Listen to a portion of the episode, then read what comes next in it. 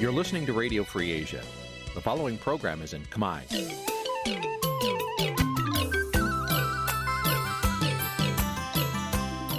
Nǐ chi càm bi tiệp xáy vệt chiu a zì sê ray នេះជាកម្មវិធីផ្សាយរបស់ Vithu Azisari ជាភាសាខ្មែរ វត្តឈូអាស៊ីសេរីសូមស្វាគមន៍លោកអ្នកនាងទាំងអស់ពីរដ្ឋធានី Washington នៃសហរដ្ឋអាមេរិក បាទខ្ញុំបាទយ៉ងច័ន្ទដារាសូមជម្រាបសួរលោកអ្នកនាងអ្នកស្ដាប់វិទ្យុអាស៊ីសេរីទាំងអស់ជាទីមេត្រីខ្ញុំបាទសូមជូនកម្មវិធីផ្សាយសម្រាប់ព្រឹកថ្ងៃសៅរ៍10កើតខែបុស្សឆ្នាំថោះបัญចស័កពុទ្ធសករាជ2567ត្រូវនៅថ្ងៃទី20ខែមករាគ្រិស្តសករាជ2024បាទជាដំបូងនេះសូមអញ្ជើញអស់លោកអ្នកនាងស្ដាប់ព័ត៌មានប្រចាំថ្ងៃដែលមានមេត្តាដូចតទៅ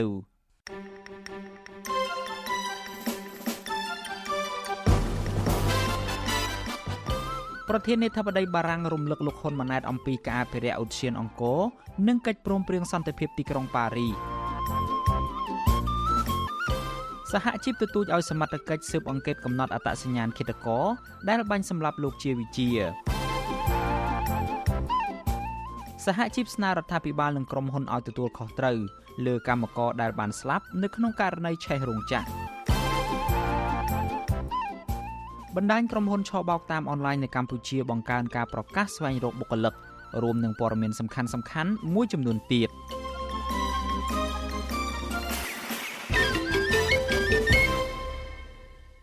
បាទជាបន្តទៅទៀតនេះខ្ញុំបាទយ៉ងច័ន្ទដារាសូមជូនព័ត៌មានទាំងនេះពឺស្ដាបាទលោកអ្នកនាងជាទីមេត្រីប្រធានាធិបតីបារាំងលោកអ៊ីម៉ានូអែលម៉ាក្រុងបានរំលឹកលោកនាយរដ្ឋមន្ត្រីហ៊ុនម៉ាណែតជាសាធារណៈអំពីការអភិរក្សឧទ្យានអង្គរ និងកិច្ចព្រមព្រៀងសន្តិភាពទីក្រុងប៉ារីមន្ត្រីគណៈបកប្រឆាំងនិងសង្គមស៊ីវិលចាត់ទុកការលើកឡើងរបស់ប្រធានាធិបតីបារាំងនេះថាជាការយកចិត្តទុកដាក់ចំពោះស្ថានភាពកម្ពុជា បាទលោកសេកបណ្ឌិតរាយការណ៍ព័ត៌មាននេះជូនលោកអ្នកនាងមិនខុសពីជំនួបជាមួយនឹងអតីតនាយករដ្ឋមន្ត្រីកម្ពុជាលោកហ៊ុនសែនកាលពីថ្ងៃទី24ខែធ្នូឆ្នាំ2022នោះទេ ប្រធានាធិបតីនៃសាធារណរដ្ឋបារាំងលោកម៉ានូអែលម៉ាក្រុង នៅតែលើកឡើងទៀតនៅចំពោះមុខនាយករដ្ឋមន្ត្រីកម្ពុជាលោកហ៊ុនម៉ាណែតក្នុងសន្និសីទចំហមួយកាលពីថ្ងៃទី18មករាអំពីសារៈសំខាន់នៃកិច្ចព្រមព្រៀងសន្តិភាពទីក្រុងប៉ារីស23ដុល្លារឆ្នាំ1991លើពីនេះទៀតលោកម៉ាក្រុងក៏បានរំលឹកលោកហ៊ុនម៉ាណែតតាក់ទងនឹងការអភិរក្សឧសៀនអង្គរដែរលោកមានប្រសាសន៍ជាភាសាបារាំងដោយមានអ្នកបកប្រែជាភាសាខ្មែរថា សំខាន់ជាងគេ គឺការអភិរក្សឧសៀនអង្គរក្នុងគម្រោងវប្បធម៌ភាសាបារាំងស្ទើរតែធម្មតាទៅហើយបាននាំឲ្យយើងបង្កើតគម្រោងវប្បធម៌ដែលសំខាន់ជាងគេនោះគឺការអភិរក្សឧទ្យានអង្គរក្នុងនោះបារាំងធ្វើជាសហប្រធានគណៈកម្មការអន្តរជាតិជាមួយជប៉ុនហើយនៅក្នុងទីនេះខ្ញុំសូមថ្លែងអរគុណចំពោះសម្ដេចចំពោះទំនុកចិត្តដែលសម្ដេចផ្ដល់ជូនយើងខ្ញុំនៅរមណីយដ្ឋាននេះដែលមានតម្លៃអត់ឧបមាផ្នែកបេតិកភណ្ឌវប្បធម៌និងប្រវត្តិសាស្ត្រកម្ពុជាលោកម៉ាក្រុងថ្លែងបែបនេះ នៅស្របពេលដែលរដ្ឋាភិបាលកម្ពុជា តាំងពីដឹកនាំដោយលោកហ៊ុនសែនរហូតដល់លោកហ៊ុនម៉ាណែតជាកូន បានធ្វើយុទ្ធនាការបណ្ដេញប្រជាពលរដ្ឋជាង10000គ្រួសារចេញពីតំបន់អង្គរដោយបង្ខំឲ្យទៅរស់នៅតំបន់រុនតាឯកដោយគ្មានសំណងនិងគ្មានការយកចិត្តទុកដាក់ពីជីវភាពរបស់ពួកគាត់ឲ្យបានត្រឹមត្រូវនោះឡើយពាក់ព័ន្ធនឹងកិច្ចព្រមព្រៀងសន្តិភាពទីក្រុងប៉ារីវិញប្រធានាធិបតីបារាំងមានប្រសាសន៍ថាបារាំង បានជួយអភិវឌ្ឍកម្ពុជាជាច្រើនដូចជាការជជែកជាមួយនឹងក្រុមហ៊ុនបារាំងជាច្រើនឲ្យទៅវិនិយោគនៅកម្ពុជានិងបានផ្ដល់ជំនួយដល់កម្ពុជាជាបន្តបន្ទាប់ក្រោយពេលមានកិច្ចព្រមព្រៀងសន្តិភាពទីក្រុងប៉ារីសឆ្នាំ1991 ដោយនៅតែអង្រួនចិត្តដោយចំណងចង់បង្ខិតប្រទេសយើងទាំងពីរឲ្យនៅជិតគ្នាតាំងពីបានចុះកិច្ចព្រមព្រៀងក្រុងប៉ារីសនៅឆ្នាំ1991ប្រទេសបារាំងបានជួយជ្រោមជ្រែងកម្ពុជាក្នុងការអភិវឌ្ឍដែលទទួលបានលទ្ធផលដ៏អស្ចារ្យដែលយើងអាចមានមោទនភាពដូច្នេះទស្សនកិច្ចរបស់សម្ដេចគឺជាឱកាសមួយដើម្បីបង្កើតគម្រោងថ្មីថ្មីទៀតជាមួយក្រុមហ៊ុនយើងខ្ញុំហើយដែលសម្ដេចមានឱកាសបានជជែកផ្លាស់ប្ដូរយោបល់ជាមួយក្រុមហ៊ុនជាច្រើនជាពិសេសក្នុងវិស័យធម្មពលដឹកជញ្ជូននិងហេដ្ឋារចនាសម្ព័ន្ធលោកហ៊ុនម៉ាណែតបានថ្លែងទទួលស្គាល់ និងចងចាំនៅទួលនីតិរបស់ប្រទេសបារាំងដែលបានសម្រេចនៅកិច្ចព្រមព្រៀងទីក្រុងប៉ារីសឆ្នាំ1991ដែលជាមូលដ្ឋានស្ដារនិងអភិវឌ្ឍសេដ្ឋកិច្ចប្រទេសកម្ពុជា ចាប់តាំងពីពេលនោះមកប៉ុន្តែលោកហ៊ុនម៉ាណែតមិនបានបង្ហាញសញ្ញាណាមួយក្នុងសន្ទរកថារបស់លោកដើម្បីដឹកនាំប្រទេសកម្ពុជាឲ្យស្របតាមខ្លឹមសារនៃកិច្ចព្រមព្រៀងសន្តិភាពទីក្រុងប៉ារីសនោះទេ ជាពិសេសការផ្សះផ្សាជាតិ និងការស្ដារលទ្ធិប្រជាធិបតេយ្យដែលប្រជាពលរដ្ឋខ្មែរទន្ទឹងរង់ចាំកម្ពុជាចងចាំជានិច្ចនៅទូនាទីរបស់បារាំងនៅក្នុងនាមជាស្ថាបនិកនិងជាសហប្រធានសន្និសីទទីក្រុងប៉ារីសស្ដីពីកម្ពុជាដែលនាំទៅដល់សម្រេចបាននូវកិច្ចព្រមព្រៀងទីក្រុងប៉ារីសនៅឆ្នាំ1991ដែលជាការរួមចំណែកយ៉ាងសំខាន់របស់បារាំងនៅក្នុងការស្ដារនិងអភិវឌ្ឍសេដ្ឋកិច្ចជាតិតាំងពីពេលនោះមកតាមរយៈទីភ្នាក់ងារបារាំងសម្រាប់អភិវឌ្ឍ AFD ដែលបានធ្វើឲ្យកម្ពុជាក្លាយទៅជាប្រទេសមានចំណូលមធ្យមកម្រិតទាបនៅឆ្នាំ2015និងស្ថិតនៅលើមេគីឆ្ពោះទៅប្រទេសមានចំណូលខ្ពស់នៅឆ្នាំ2050តកតោនឹងរឿងនេះអនុប្រធានគណៈបកភ្លើងទៀននឹងធ្លាប់ជាតំណាងរាស្ត្រច្រើនអាណត្តិតាំងពីអាណត្តិទី1លោកសុនឆៃប្រាប់បទសុអាស៊ីសេរីនៅថ្ងៃទី19មករាថាប្រទេសហត្ថលេខីរួមទាំងប្រទេសបារាំងដែលជាសហប្រធានសម្ដែងការមិនពេញចិត្តចំពោះការអនុវត្តកិច្ចព្រមព្រៀងសន្តិភាពទីក្រុងប៉ារីនេះ ករណីមិនបានគោរពសិទ្ធិមនុស្សការមិនគោរពតាមគោលការណ៍ប្រជាធិបតេយ្យសេរីឲ្យបានត្រឹមត្រូវព្រមទាំងបច្ចុប្បន្នភាពនៃការបណ្ដេញប្រជាពលរដ្ឋចេញពីតំបន់អង្គរនៅខេត្តសៀមរាបដោយខ្វះការទទួលខុសត្រូវជាដើមអតីតតំណាងរាស្ត្ររូបនេះថាបើរដ្ឋាភិបាលសពថ្ងៃនៅបន្តនយោបាយមិនស្របតាមខ្លឹមសារកិច្ចព្រមព្រៀងសន្តិភាពទីក្រុងប៉ារីសអាចធ្វើឲ្យកម្ពុជា ប្រឈមនឹងផលវិបាកជាច្រើន ទាំងនយោបាយសន្តិសុខសង្គម និងសេដ្ឋកិច្ចហើយប្រទេសហត្ថលេខីនៅតែបន្តតាមដានការអនុវត្តរបស់រដ្ឋាភិបាលកម្ពុជាជានិច្ចស្ថានទូតរបស់ប្រទេសមួយចំនួននៅទីក្រុងភ្នំពេញគេតែងព្រួយបារម្ភថាការគ្រប់គ្រងប្រទេសកម្ពុជាមិនស្របទៅតាមគោលការណ៍លទ្ធិប្រជាធិបតេយ្យនិងស្របទៅតាមកិច្ចចែកព្រមព្រៀងទីក្រុងប៉ារីសអាចធ្វើឲ្យប្រទេសកម្ពុជានឹងនឹងទទួលនៅផលវិបាកច្រើនយ៉ាងទាំងផ្នែកសេដ្ឋកិច្ចទាំងផ្នែកសន្តិសុខសង្គម ដូច្នេះហើយបានគេតែជាប្រទេសហត្ថលេខីតែតែក្រើនរំលឹកអំពីការងារទាំងនេះ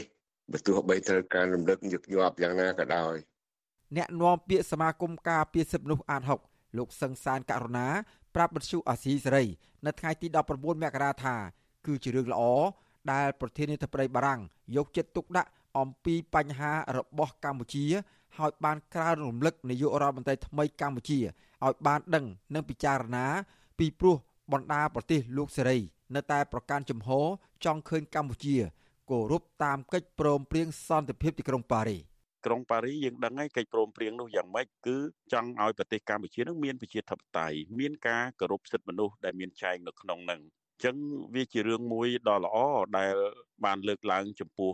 រឿងរ៉ាវរបស់កម្ពុជាហើយរំលឹកទៅដល់កិច្ចព្រមព្រៀងទីក្រុងប៉ារីនេះហើយកម្ពុជាយើងប្រជាពលរដ្ឋយើងទាំងអ្នកនយោបាយកន្លងមក ក្រោយពីមានការបង្ហូរឈាមគ្នាហ្នឹងគឺយកកិច្ចព្រមព្រៀងទីក្រុងប៉ារីនេះជាគោលហើយយើងបាន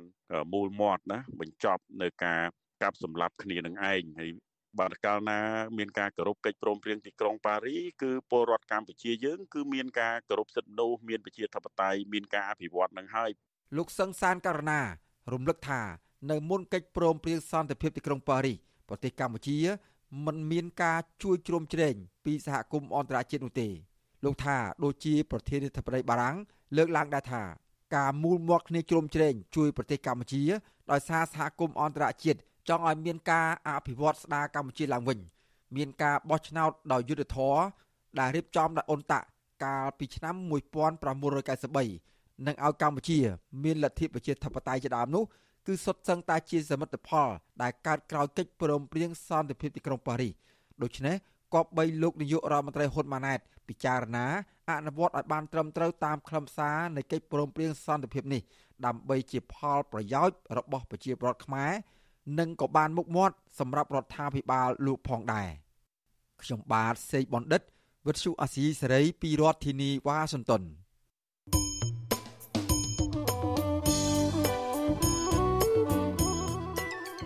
លោកអ្នកនាងជាទីមេត្រីដំណើរគ្នានឹងស្ដាប់ការផ្សាយរបស់វិទ្យុអាស៊ីសេរី តាមបណ្ដាញសង្គម Facebook YouTube និង Telegram លោកអ្នកនាងក៏អាចស្ដាប់កម្មវិធីផ្សាយរបស់យើងតាមរយៈវិទ្យុរលកថេដាកាខ្លី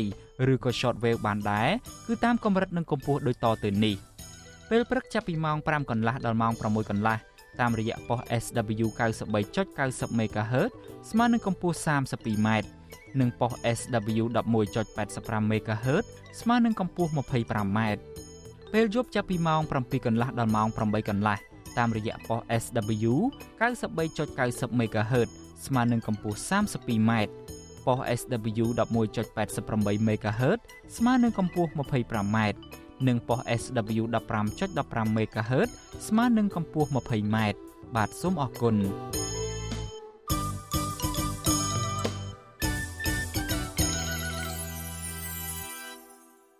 បាទលោកអ្នកនាងជាទីមេត្រី តកតងទៅនឹងរឿងឃាតកម្មទៅលើលោកជាវិជាមេដឹកនាំសហជីពដ៏ល្បីល្បាញកាលពី20ឆ្នាំមុននោះវិញសហព័ន្ធសហជីពសេរីកម្មករស្នើឲ្យអគ្គស្នងការនគរបាលជាតិជំរុញការស្រាវជ្រាវនិងស៊ើបអង្កេតកំណត់អត្តសញ្ញាណឃាតករដែលបានបាញ់សម្លាប់លោកជាវិជា កាលពី20ឆ្នាំមុននោះបាទការបន្តទៀមទានេះគឺកើតមានឡើងដោយសារតែសមត្ថកិច្ចមិនទាន់ចាប់ខ្លួនឃាតករនិងអ្នកពាក់ព័ន្ធយកមកផ្ដន់ទោសនៅឡើយទេ បាទកញ្ញាខណ្ឌលក្ខណារាយការណ៍ព័ត៌មាននេះ សហព័ន្ធសហជីពសេរីកម្មករនៃព្រះរាជាណាចក្រកម្ពុជា នៅតែស្នើឲ្យអគ្គស្នងការនគរបាលជាតិជំរុញការស្រាវជ្រាវស៊ើបអង្កេត កំណត់អត្តសញ្ញាណឃាតករដែលបាញ់សម្លាប់លោកជាវិជាអតីតប្រធានសហជីពសេរីកម្មករយកមកផ្ដន្ទាទោស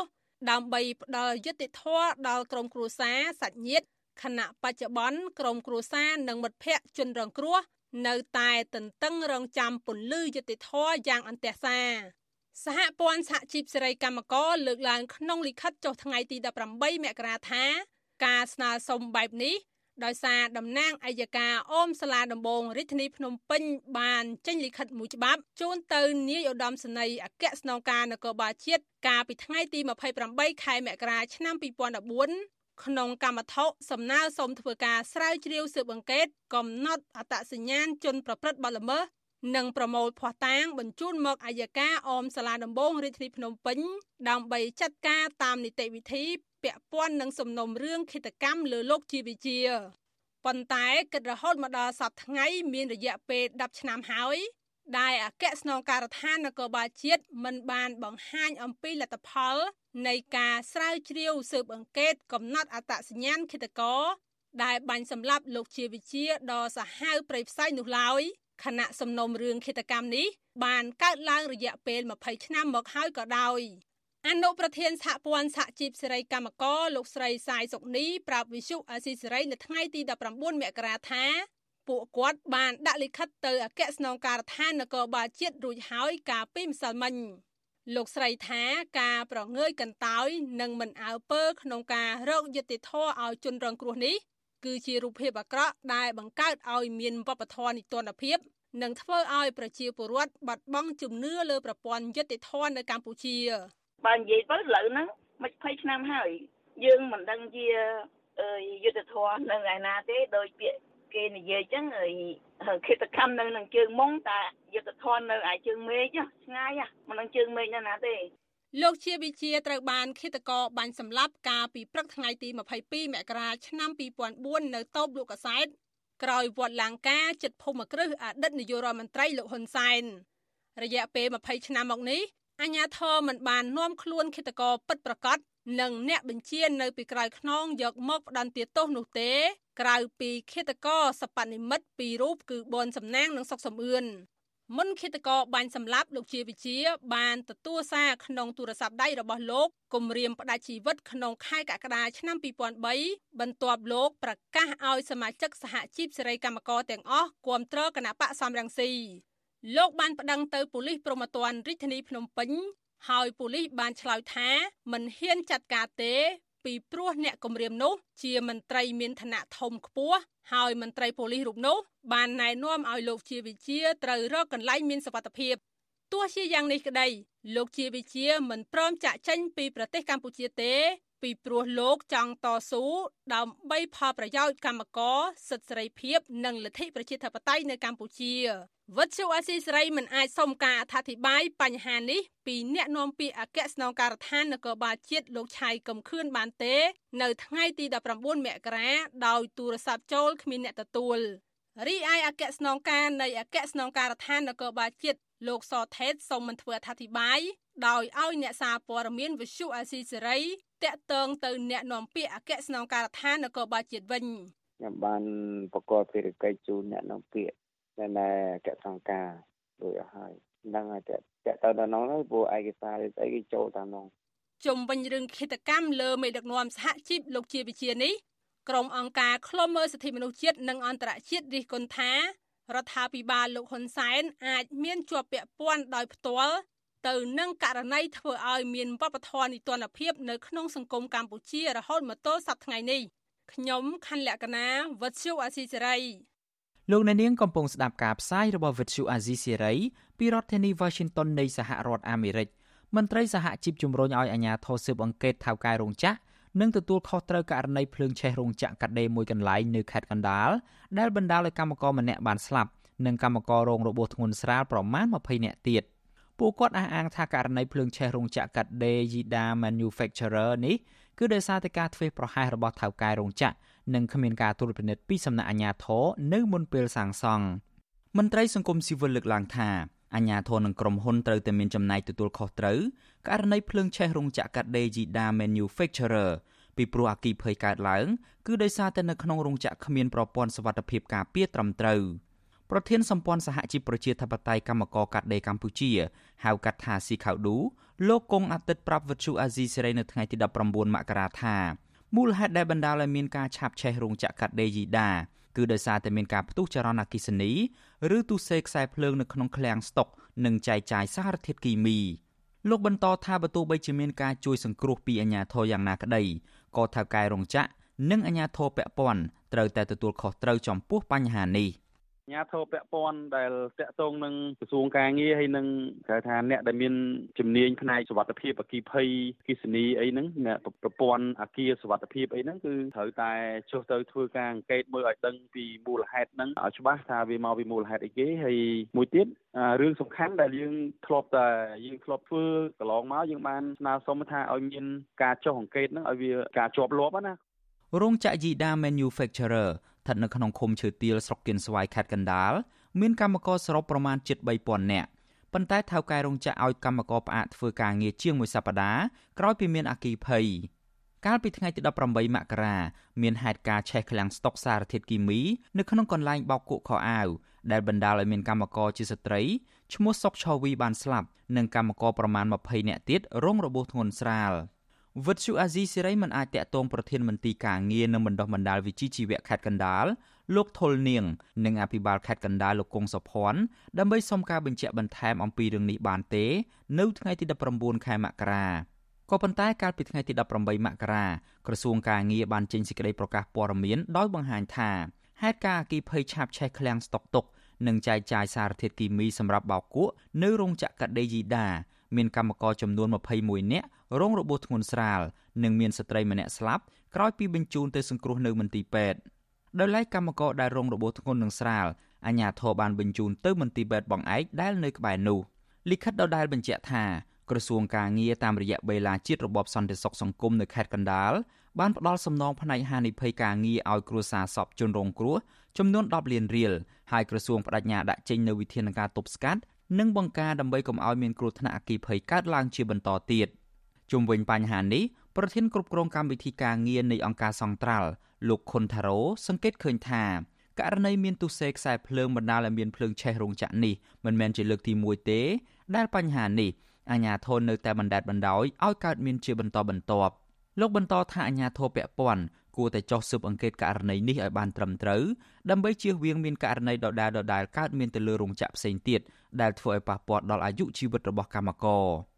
អនុវត្តនៅក្របខ័ណ្ឌនិយមសវត្ថភាពនេះហើយនឹងវិធាននៅក្នុងការតាមដានទូតពិនិត្យជាប្រចាំនេះតាមលក្ខណៈបច្ចេកទេសនេះវាទាមទារឲ្យមានការចុះទូតពិនិត្យជាប្រចាំខណៈពេលដែលរោងចក្រឬក៏ក្រុមហ៊ុនណាដែលគាត់មិនបានអនុវត្តទៅតាមស្តង់ដារឬក៏លក្ខខណ្ឌដែលត្រូវធានានៅសវត្ថភាពសម្រាប់កម្មករយោជិតទេអានឹងសហគមន៍ក្រុមហ៊ុនហ្នឹងគឺគាត់ត្រូវតែមានវិធានការនៅក្នុងការពិន័យឬក៏ត្រូវមានវិធានការផ្នែកច្បាប់ណាមួយដើម្បីធានាថាក្រុមហ៊ុនហ្នឹងគាត់ត្រូវធានានៅសវត្ថភាពសម្រាប់កម្មករយោជិតនៅកន្លែងការងារកន្លងទៅមន្ត្រីអង្គការសង្គមស៊ីវិលនិងអ្នកជំនាញផ្នែកអគិសនីតែងទទូចឲ្យរដ្ឋាភិបាលចុះត្រួតពិនិត្យនិងវិតម្លៃពីការសាងសង់រោងចក្រសហគ្រាសមួយចំនួន ដែលធ្វើខុសបច្ចេកទេសបណ្ដាលឲ្យពលរដ្ឋនិងកម្មករស្លាប់នៅក្នុងហេតុការណ៍អគិភ័យឆាបឆេះពួកគាត់អះអាងថាអាជ្ញាធរគួរតែពង្រឹងការអនុវត្តច្បាប់ និងចាត់ទុកសុវត្ថិភាពពលរដ្ឋជាចម្បង នៅក្នុងការបើកឲ្យរោងចក្រមួយចំនួនដំណើរការ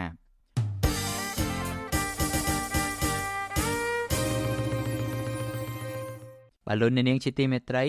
នៅឯខេត្តត្បូងឃ្មុំឯណោះវិញប្រជាពលរដ្ឋរស់នៅក្នុងស្រុកមេមត់អះអាងថាក្រុមហ៊ុនទាញយករ៉ែមាសបរទេសមួយចំនួននៅតែបន្តសកម្មភាពទាញយករ៉ែមាសដោយខុសច្បាប់នៅឃុំជាំតាម៉ៅការលើកឡើងបែបនេះគឺក្រោយពីក្រសួងរ៉ែនិងធម្មពលបានប្រកាសថាក្រសួងបានរកឃើញទីតាំងយករ៉ែមាសចំនួន3កន្លែងទៀតកាលពីថ្ងៃទី16ខែមករា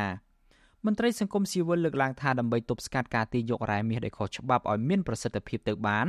លុះត្រាតែរដ្ឋាភិបាលមានចំណាត់ការផ្លូវច្បាប់ឲ្យបានតឹងរឹងទៅលើឈ្មួញទុច្ចរិតនិងអាជ្ញាធរពាក់ព័ន្ធបាទយើងប្រកុលនេតិនេះជូនលោកជីវិតារាយការណ៍ជូនលោកអ្នកនាងប្រជាពលរដ្ឋមួយចំនួនរស់នៅស្រុកមេមត់ខេត្តត្បូងឃ្មុំលើកឡើងដូចដូចគ្នាថាបើទោះបីជាក្រសួងរ៉ែនិងធម្មពលបានធ្វើយុទ្ធនាការលុបបំបាត់អាជីវកម្មរ៉ែមាសខុសច្បាប់នៅតំបន់សំពៅលូនឃុំជាំតាម៉ៅកាលពីថ្ងៃទី10មករាក្តី ក៏ក្រុមហ៊ុនទាញយករ៉ែទាំងនោះនៅតែបន្តសកម្មភាពយ៉ាងអនាធបត័យពលរដ្ឋម្នាក់រស់នៅស្រុកមេមត់ខេត្តត្បូងឃ្មុំ គឺលោកឆៃវិតប្រាប់វិទ្យុអាស៊ីសេរីនៅថ្ងៃទី18មករាថាក្រុមហ៊ុនទាញយករ៉ែមាសដែលថៅកែភៀកច្រើន គឺជាជនជាតិចិននិងវៀតណាម នៅតែបន្តសកម្មភាពទាញយករ៉ែមាសនៅតំបន់សំពៅលូនការឈូសឆាយការវាមិនមែនទើបតែកើតឡើងឥឡូវឥឡូវនេះទេគ្រាន់តែថា វាមានភាពស្ងប់ស្ងាត់អត់មានថាលួចទេណាលួចសហការមានតែខ្មោចស្រុកវាបើកដៃណាខ្មោចព្រៃវាចិត្តលុកលុយលុកលុយហើយពលរដ្ឋមិនហ៊ានពលរដ្ឋខ្លះនឹងមិនហ៊ាននិយាយមិនហ៊ានទៅសេមិនហ៊ានផុសតាម Facebook អីចិត្តខ្លាចអញ្ញាធัวភូមិឃុំគេគម្រាមគេបន្លាចទៅចេះមិនមិនចេះទៅសងំចេះទៅអីទៅដូចគ្នាទៅនឹងការលើកឡើងនេះដែរ ប្រជាពលរដ្ឋម្នាក់ទៀតរស់នៅស្រុកមេមត់ប្រាប់វិទ្យុអាស៊ីសេរីក្នុងលក្ខខណ្ឌសុំមិនបញ្ចេញឈ្មោះនិងសម្លេង ដោយបារម្ភពីសវត្ថិភាពថាក្រុមហ៊ុនចិននិងវៀតណាម នៅតែបន្តទាញយករ៉ែមាសនៅឃុំជាំតាម៉ៅលោកស្រីអះអាងដូចនេះដោយសារតែលោកស្រីឃើញមានជនជាតិចិននិងជនជាតិវៀតណាមជាច្រើន នៅតែដើរទិញទំនិញនិងម្ហូបអាហារដឹកចូលទៅក្នុងតំបន់សំពៅលូន ក្រសួងរាយនឹងធម្មពលបានចេញសេចក្តីប្រកាសព័ត៌មានមួយកាលពីថ្ងៃទី17មករាអំពីការទប់ស្កាត់សកម្មភាពអាជីវកម្មរ៉ែមាសអាណាធិបតេយ្យនៅតំបន់សំពៅលូនស្រុកមេមត់ខេត្តត្បូងឃ្មុំទោះជាយ៉ាងណា នៅក្នុងសេចក្តីប្រកាសព័ត៌មាននោះបញ្ជាក់ថាក្រសួងមិនមានវិធានការច្បាប់ទៅលើម្ចាស់ទីតាំងទាញយករ៉ែមាសទាំងនោះឡើយដោយគ្រាន់តែឲ្យធ្វើកិច្ចសន្យាបញ្ឈប់សកម្មភាពទាញយករ៉ែមាសតែប៉ុណ្ណោះ ប្រជាពលរដ្ឋនៅស្រុកមេមត់លើកឡើងថាប្រជាពលរដ្ឋខ្មែរបានប្រកបរបររែងរ៉ែមាសតាំងពីអំឡុងឆ្នាំ1990មកម្ល៉េះលុះមកដល់ឆ្នាំ2017ទើបមានក្រុមហ៊ុនដែលមានម្ចាស់ជាជនជាតិចិននិងវៀតណាមបានប្រើប្រាស់គ្រឿងចាក់ធំធំ សារធាតុគីមី និងជីករូងចូលក្រំដីដើម្បីទាញយករ៉ែមាសនៅតំបន់ភ្នំសំពៅលូន វិទ្យុអាស៊ីសេរីមិនអាចតាក់ទងแนะនាំពាក្យក្រសួងរាយនឹងធម្មពលលោកអឹងឌីប៉ូឡាដើម្បីសុំការបកស្រាយបន្ថែមជុំវិញរឿងនេះបាននៅឡើយទេនៅថ្ងៃទី18មករាជុំវិញរឿងនេះដែរនាយកវិជាស្ថានតស៊ូមតិនិងគោលនយោបាយលោកឡាំសុជាតិមានប្រសាសន៍ថាសកម្មភាពទាញយករ៉ែមាសដោយខុសច្បាប់មិនត្រឹមតែធ្វើឲ្យរដ្ឋាភិបាលមិនអាចទទួលបានប្រាក់ចំណូលតែប៉ុណ្ណោះទេ តែថែមទាំងបណ្ដាលឲ្យប៉ះពាល់ដល់បរិស្ថាន និងសង្គមទៀតផង លោកបន្តថាដើម្បីទប់ស្កាត់ការទាញយករ៉ែមាសដោយខុសច្បាប់ឲ្យមានប្រសិទ្ធភាពអាជ្ញាធរមានសមត្ថកិច្ចគួរចាត់វិធានការផ្លូវច្បាប់ឲ្យបានតឹងរឹងទៅលើឈ្មួញទុច្ចរិតនិងអាជ្ញាធរពាក់ព័ន្ធជាជាងគ្រាន់តែចោះណែនាំឲ្យបញ្ឈប់សកម្មភាពទាញយករ៉ែប៉ុណ្ណោះអញ្ចឹងតើបើសិនជាគាត់ជាជនជាតិបរទេសទៀតមករុករករ៉ែរបស់ខ្មែរនៅក្នុងប្រទេសខ្មែរហើយអត់មានអាជ្ញាបានទៀតអានឹងវាខុសច្បាប់ហើយខុសទៀត អញ្ចឹងវាគួរតែត្រូវបានអនុវត្តតឹងរឹងទាំងមន្ត្រីដែលគ្រប់ខិតទាំងមន្ត្រីដែលនៅវិក្រយអាណាធិបតេយ្យហ្នឹងគឺត្រូវតែមានការអនុវត្តតាមច្បាប់ហើយប្រជាពលរដ្ឋរស់នៅស្រុកមេមត់អះអាងថាម្ចាស់អាជីវកម្មទាញយករ៉ែមាសភ ieck ច្រើន តែមានអ្នកមានអំណាចនិងអាជ្ញាធរមូលដ្ឋាន កាងឲ្យធ្វើអាជីវកម្មដូច្នេះពួកគេស្នើឲ្យអាជ្ញាធរពាក់ព័ន្ធគួរចាប់ក្រុមឈ្មួញទុច្ចរិតនិងមន្ត្រីពាក់ព័ន្ធមកប្រឈមនឹងផ្លូវច្បាប់ ជាជាងគ្រាន់តែចេញលិខិតព្រមាននិងត្រឹមធ្វើកិច្ចសន្យាឲ្យបញ្ឈប់ទាញយករ៉ែមាសដែលអាចធ្វើឲ្យក្រុមឈ្មួញទុច្ចរិតទាំងនោះងាយស្រួលធ្វើសកម្មភាពឡើងវិញក្នុងពេលខាងមុខខ្ញុំជីវិតាអាស៊ីសេរីអាស៊ីសេរីលោកអ្នកនាងកំពុងស្ដាប់ការផ្សាយរបស់ Vuthu Azizi Serai ពីរដ្ឋធានី Washington នៃសហរដ្ឋអាមេរិកការប្រកាសស្វែងរកបុគ្គលិកតាមអនឡាញដើម្បីបម្រើការងារនៅតាមក្រុមហ៊ុនឆបោកតាមអនឡាញកំពុងពេញនិយម និងបន្តកើតមានឡើងយ៉ាងផុសផុលតាមបណ្ដាញសង្គមទោះជាយ៉ាងណាប្រទេសនៅក្នុងតំបន់មួយចំនួនបានណែនាំដល់ពលរដ្ឋរបស់ពួកគេឲ្យប្រុងប្រយ័ត្នខ្ពស់មុននឹងសម្រេចមកធ្វើការនៅកម្ពុជា បាទលោកអ្នកនាងនឹងបានស្ដាប់សេចក្តីរាយការណ៍នេះពឺស្ដានៅពេលបន្តិចទៀតនេះ។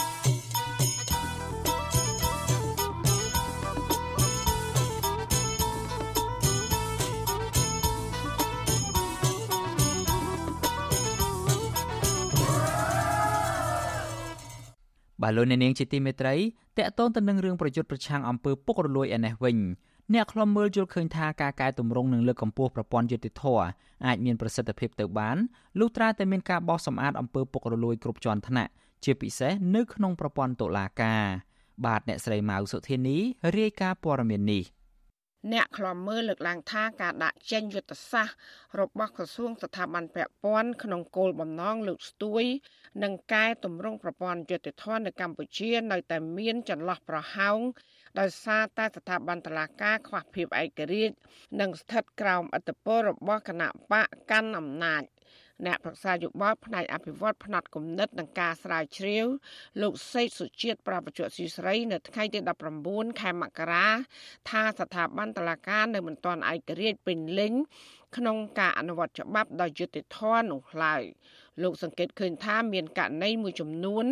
ទាល់តែប្រមុខថ្នាក់ដឹកនាំចេញមុខដោះស្រាយទៅមានលទ្ធផល ដែលធ្វើឲ្យមានភាពច្របូកច្របល់រវាងអំណាចនីតិប្រតិបត្តិនិងអំណាចតុលាការ។ យើងឃើញហើយអំណាចតឡាការនេះវាមានចំពាក់ជាមួយនឹងគណៈបកនយោបាយជាពិសេសជាមួយនឹងគណៈបកកណ្ដាលអំណាចហើយក៏មានការរៀបចំឲ្យមានយន្តការគ្រប់គ្រងតាមរយៈក្រសួងយុទ្ធភ័ពទៅលើស្ថាប័នតឡាការនេះទៀតសោតដូច្នេះស្ថាប័នតឡាការអ្វីដែលខ្ញុំមើលឃើញគឺមិនទាន់មានឯករាជ្យភាពទេហើយហាក់បីដូចជាស្ថិតនៅក្រោមឥទ្ធិពលទាំងស្រុងរបស់អង្គនីតិប្រតិបត្តិតែម្ដងបាទ ការលើកឡើងនេះបន្ទាប់ពីកិច្ចប្រជុំរវាងរដ្ឋមន្ត្រីក្រសួងយុទ្ធភ័ពលោកកើតរិទ្ធជាមួយប្រធានអង្គភិបប្រឆាំងអំពើពុករលួយលោកអោមយុនទៀងកាលពីថ្ងៃទី18ខែមករាដែលបានស្នើសុំកិច្ចសហការពីអង្គភិបប្រឆាំងអំពើពុករលួយ ក្នុងយុទ្ធនាការលើកកម្ពស់គុណភាព និងប្រសិទ្ធភាពនៃប្រព័ន្ធយុត្តិធម៌ក្នុងកិច្ចប្រជុំនេះស្ថាប័នទាំងពីរក៏បានបដិញ្ញាត្រូវអនុវត្តឲ្យបានជាដាច់ខាត ចំពោះសំណុំរឿង3ប្រភេទគឺគ្រឿងញៀនគ្រោះថ្នាក់ចរាចរណ៍និងអត្រានុកូលដ្ឋានព្រមទាំងដោះស្រាយដោយដំណាភាពត្រឹមត្រូវតាមច្បាប់និងភាពម៉ឺងម៉ាត់ដើម្បីទទួលខុសត្រូវលើវិស័យយុតិធធចំពោះមុខប្រជាជននិងសង្គមជាតិការដាក់ចេញយន្តការនេះស្របពេលដែលប្រជាពលរដ្ឋរិះគន់ពីបញ្ហាចែកចាយនិងការជួញដូរគ្រឿងញៀនជាលក្ខណៈទ្រង់ទ្រាយធំនៅតែបន្តកើតមានជាពិសេស បញ្ហាគ្រោះថ្នាក់ចរាចរណ៍ដែលបង្កប់នូវភាពអយុត្តិធម៌ចំពោះជនរងគ្រោះនៅពេលដែលជនបង្កកិច្ចផុតពីការទទួលខុសត្រូវចំពោះមុខច្បាប់និងតុលាការវិទ្យុអសីស្រីមិនអាចតកតងแนะនាំពាក្យក្រសួងយុតិធម៌លោកជិនម៉ាលីនដើម្បីសុំការបកស្រាយជំវិញរឿងនេះបានទេ នៅថ្ងៃទី19ខែមករា ជុំវិញរឿងរ៉ាវនេះអ្នកស្រាវជ្រាវការពិវត្តសង្គមបណ្ឌិតមាសនេះលើកឡើងថាបញ្ហាគ្រឿងញៀននិងគ្រោះថ្នាក់ចរាចរណ៍នៅតែជាវិបត្តិសង្គមដ៏រ៉ាំរ៉ៃដដែល បើទោះបីកន្លងមករដ្ឋាភិបាលតែងតែបង្ហាញពីការបដិញ្ញាចិត្តក្នុងការដោះស្រាយជាច្រើនលើកទៅហើយក្តី មិនចាំបាច់ត្រូវការកំណែទម្រង់អីទេប៉ុន្តែគ្រាន់តែអនុវត្តច្បាប់ដែលមានស្រាប់ដោយច្បាប់ចរាចរណ៍របស់យើងនេះវាតឹងតែងដំណងគ្រប់គ្រាន់សំខាន់អនុវត្តនឹងឲ្យវាដើរទៅកុំឲ្យមានការរំលោភអំណាចហើយអ្នកណាខុសនឹងទទួលចឹងទៅទៅតាមអ្វីដែលជានីតិវិធីទៅអានឹងវាវាបានហើយបាទកាលពីថ្ងៃទី8ខែមករារដ្ឋមន្ត្រីក្រសួងយុតិធម៌លោកកើតរិទ្ធបានចេញសេចក្តីសម្រេចស្តីពីការបង្កើតក្រុមការងារនៃគណៈកម្មការដឹកនាំ និងអនុវត្តយុទ្ធនាការត្រួតពិនិត្យនិងដោះស្រាយភាពមិនប្រក្រតីនៅតាមតុលាការដោយក្រុមការងារនេះនឹងស៊ើបអង្កេតចម្រាញ់យកមន្ត្រីស្អាតស្អំនិងចាត់វិធានការលើមន្ត្រីខលខូចទោះយ៉ាងណាមកដល់ពេលនេះក្រសួងយុតិធធននិងអង្គភាពប្រឆាំងអំពើពុករលួយមិនទាន់បង្ហាញពីលទ្ធផលនៃការស៊ើបអង្កេត ឬក៏ចាត់វិធានការចំពោះចៅក្រមនិងបរិយាអាជ្ញាណាមួយ នៅក្នុងស្ថាប័នតុលាការដែលមហាជន តែងតែរិះគន់ថាប្រព្រឹត្តអំពើពុករលួយ និងអនុវត្តច្បាប់មានស្តង់ដារ2នោះឡើយចាននាងខ្ញុំម៉ៅសុធានីវិទ្យុអាស៊ីស្រីពីរដ្ឋធានី Washington បាទលោកនាងជាទីមេត្រី នៅឯខេត្តមណ្ឌលគិរីឯណោះវិញប្រជាសហគមន៍ជនជាដើមភាគតិចភ្នងជាង200គ្រួសាររស់នៅក្នុងខេត្តនេះ មិនគ្រប់គ្រងក្រសួងបរិស្ថានដែលអនុញ្ញាតឲ្យបុគ្គលមានលុយមានអំណាច5នាក់វិនិយោគវិស័យទេសចរក្នុងតំបន់សត្វស្វាកន្ទុយសរស់នៅស្ថិតនៅក្នុងព្រៃសហគមន៍ភូមិអណ្ដូងក្រឡឹងនៅក្នុងដែនជម្រកសត្វព្រៃកែវសីមាពួកគាត់សង្កេតឃើញថាបទល្មើសព្រៃឈើនិងការលួចបរបាញ់សត្វស្វាកន្ទុយសនិងសត្វព្រៃផ្សេងៗទៀតនៅតែកើតមានច្រើន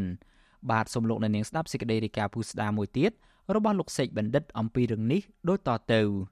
ប្រជាសហគមន៍ជនជាតិដើមភាគតិចភ្នងរស់នៅឃុំសែនមនោរមស្រុកអូរាំងបារម្ភពីអនាគតសត្វស្វាកន្ទុយសសត្វតូច និងសត្វព្រៃកម្រជាច្រើនប្រភេទទៀតដែលកំពុងរស់នៅក្នុងព្រៃសហគមន៍ភូមិអណ្ដូងក្រឡឹងនៃដែនជំរកសត្វព្រៃកៅសីមា កំពុងប្រឈមការថយចុះជាបន្តបន្ទាប់ដោយសកម្មភាពកាប់ដើមឈើធំធំ និងការលបបបាញ់ធ្វើអាជីវកម្មប្រធានសហគមន៍ភូមិមណ្ដូងក្រឡឹងលោកសុខាផុន ប្រាប់បទសុអសីសេរីនៅថ្ងៃទី19មករាថាកន្លងទៅក្រសួងបរិស្ថាន បានអនុញ្ញាតឲ្យអ្នកមានលុយមានអំណាច5នាក់វិនិយោគលើវិស័យទេសចរជាច្រើនតំបន់ក្នុងដែនជំរកសត្វព្រៃកៅសីមានិងផ្នែកខ្លះក្នុងព្រៃសហគមន៍ភូមិមណ្ដូងក្រឡឹងដែលជាកន្លែងសត្វព្រៃកម្រទាំងនេះរស់នៅ និងចិញ្ចឹមជីវិតលោកបារម្ភថាប្រសិនបើតំបន់អភិរក្សទាំងនេះ គ្រប់គ្រងដោយវិស័យឯកជនជៀសមិនផុតនឹងការបំផ្លាញព្រៃឈើទ្រូងទេធំ ហើយសត្វស្វាកន្ទុយសនឹងផុតពូជនៅថ្ងៃខាងមុខប៉ះពាល់ដល់ជីវភាពសហគមន៍ អត់បានការពីច្បាស់លាស់នឹងវាអាចនឹងបាត់បង់នៅថ្ងៃណាមួយអត់មានភ្ញៀវមកលេងអញ្ចឹងក៏យើងអត់មានប្រាក់ចំណូលសម្រាប់សហគមន៍យើងអញ្ចឹងណាជាពិសេសគឺដងកលឹងពួកខ្ញុំគឺមានអេកូទេសចរសត្វតូចនិងស្វាទុយសហ្នឹងហើយអញ្ចឹងបើបាត់បង់ទាំងអស់ហ្នឹងអញ្ចឹងយើងអត់មានអីសម្រាប់ចំណូលសហគមន៍យើងទេណាបើសិនជាយើងកាត់ឈើអីវាអស់ដល់ពេលអញ្ចឹងសត្វហ្នឹងក៏វាផ្លាស់ប្ដូរទីលំនៅដែរអញ្ចឹងវាអត់មានកន្លែងព្រៃឈើគឺវាអត់នៅទេកាលពីខែមេសាឆ្នាំ2023 រដ្ឋលេខាធិការប្រចាំការនៃក្រសួងបរិស្ថានលោកផៃប៊ុនជឿនបានចុះហត្ថលេខាអនុញ្ញាតឲ្យអ្នកស្រីយេតយ៉ាដាប៉ូឡែននិងអ្នកមានលុយមានអំណាច4អ្នកផ្សេងទៀតរួមមានលោកមេងហ៊ុយលោកមេងហេងលោកឡាយហាប់និងលោកនួនពិសិដ្ឋអភិវឌ្ឍវិនិយោគទេសចរភ្ជាប់តំបន់ធម្មជាតិខ្នាតតូចនិងស្ថិតនៅក្នុងដែនជំរកសត្វព្រៃកៅស៊ីម៉ាក្នុងឃុំសែមនោរមស្រុកអូរាំងក្រសួងបរិស្ថានអះអាងថា ការវិនិយោគនេះជាការរួមចំណែកលើកម្ពស់ជីវភាពសហគមន៍និងការពារធនធានធម្មជាតិជីវៈចម្រុះបំផុសចលនាទេសចរជាតិនិងអន្តរជាតិឲ្យមកទស្សនាកំសាន្តនៅតំបន់នោះក្រសួងបរិស្ថានបានឯកភាពលើសំណើនេះដោយអនុញ្ញាតឲ្យម្ចាស់គម្រោងរៀបចំគម្រោងវិនិយោគអភិវឌ្ឍទេសចរក្នុងរង្វង់ដែនកំណត់ដោយក្រសួងបរិស្ថានទោះយ៉ាងណាសមាជិកបណ្ដាញសហគមន៍ជនជាតិដើមភាគតិចភ្នងលោកស្រីរឿនហែងសង្កេតឃើញថាពេលនេះ សត្វស្វាកន្ទុយស និងសត្វតូចកំពុងរស់នៅក្នុងតំបន់ព្រៃសហគមន៍ភូមិមណ្ដូងក្រឡឹងរាប់ពាន់ក្បាល ហើយវាតែងតែបង្ហាញខ្លួននៅលើដើមឈើខ្ពស់ខ្ពស់ស៊ីផ្លែឈើនិងស្លឹកឈើជាអាហារ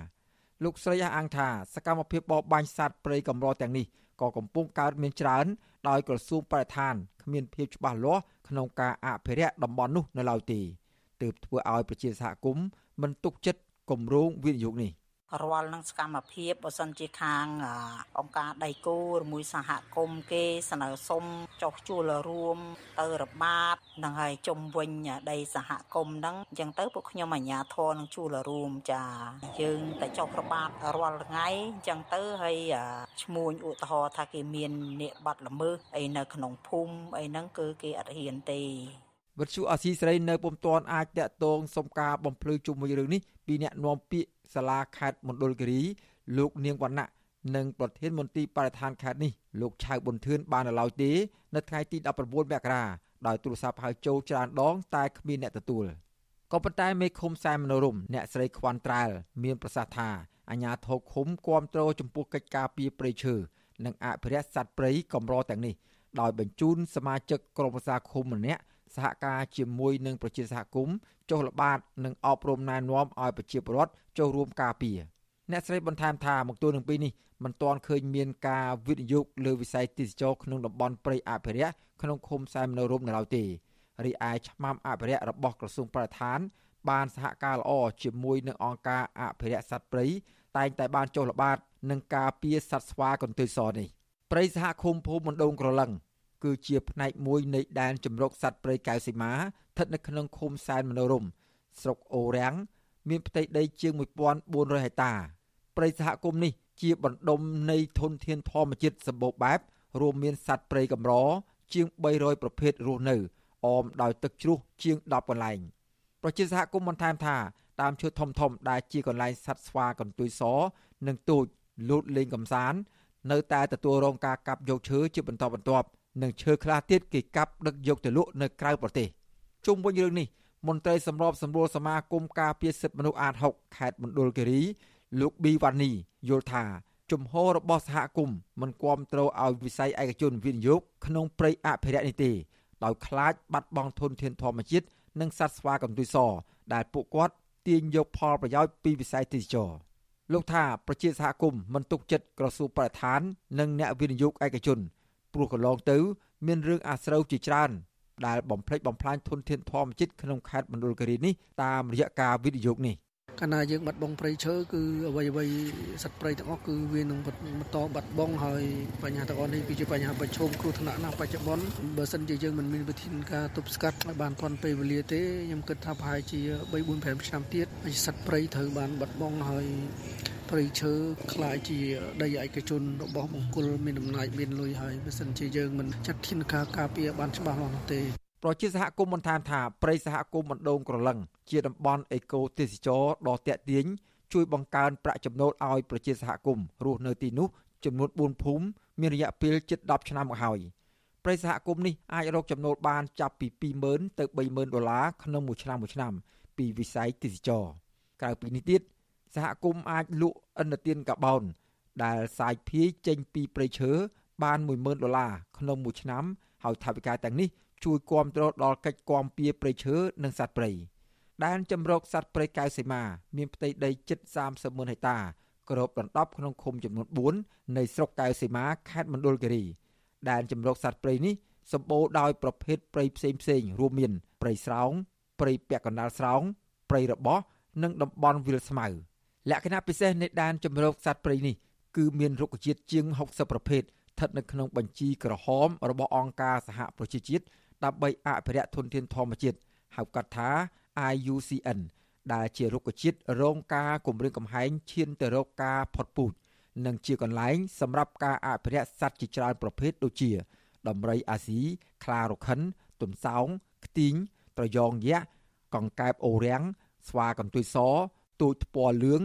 ទទាទ្រូងលឿងនិងសត្វស្លាបជាច្រើនប្រភេទផ្សេងផ្សេងទៀតខ្ញុំបាទសេកបណ្ឌិតវិទ្យុអាស៊ីសេរីពីរដ្ឋធានីវ៉ាស៊ីនតោន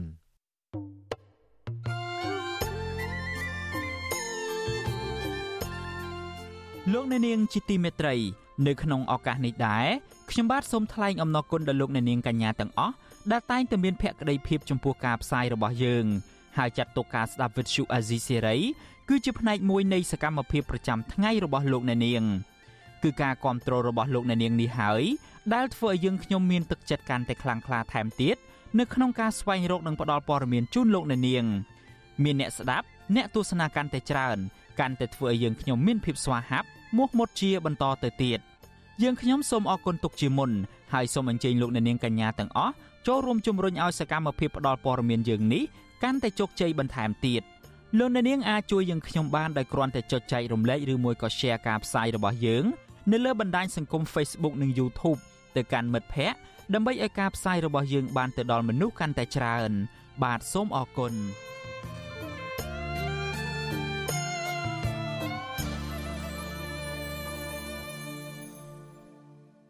លោកអ្នកនាងកំពុងស្ដាប់ការផ្សាយរបស់ Vuthu Azizi Serai ពីរដ្ឋធានី Washington នៃសហរដ្ឋអាមេរិក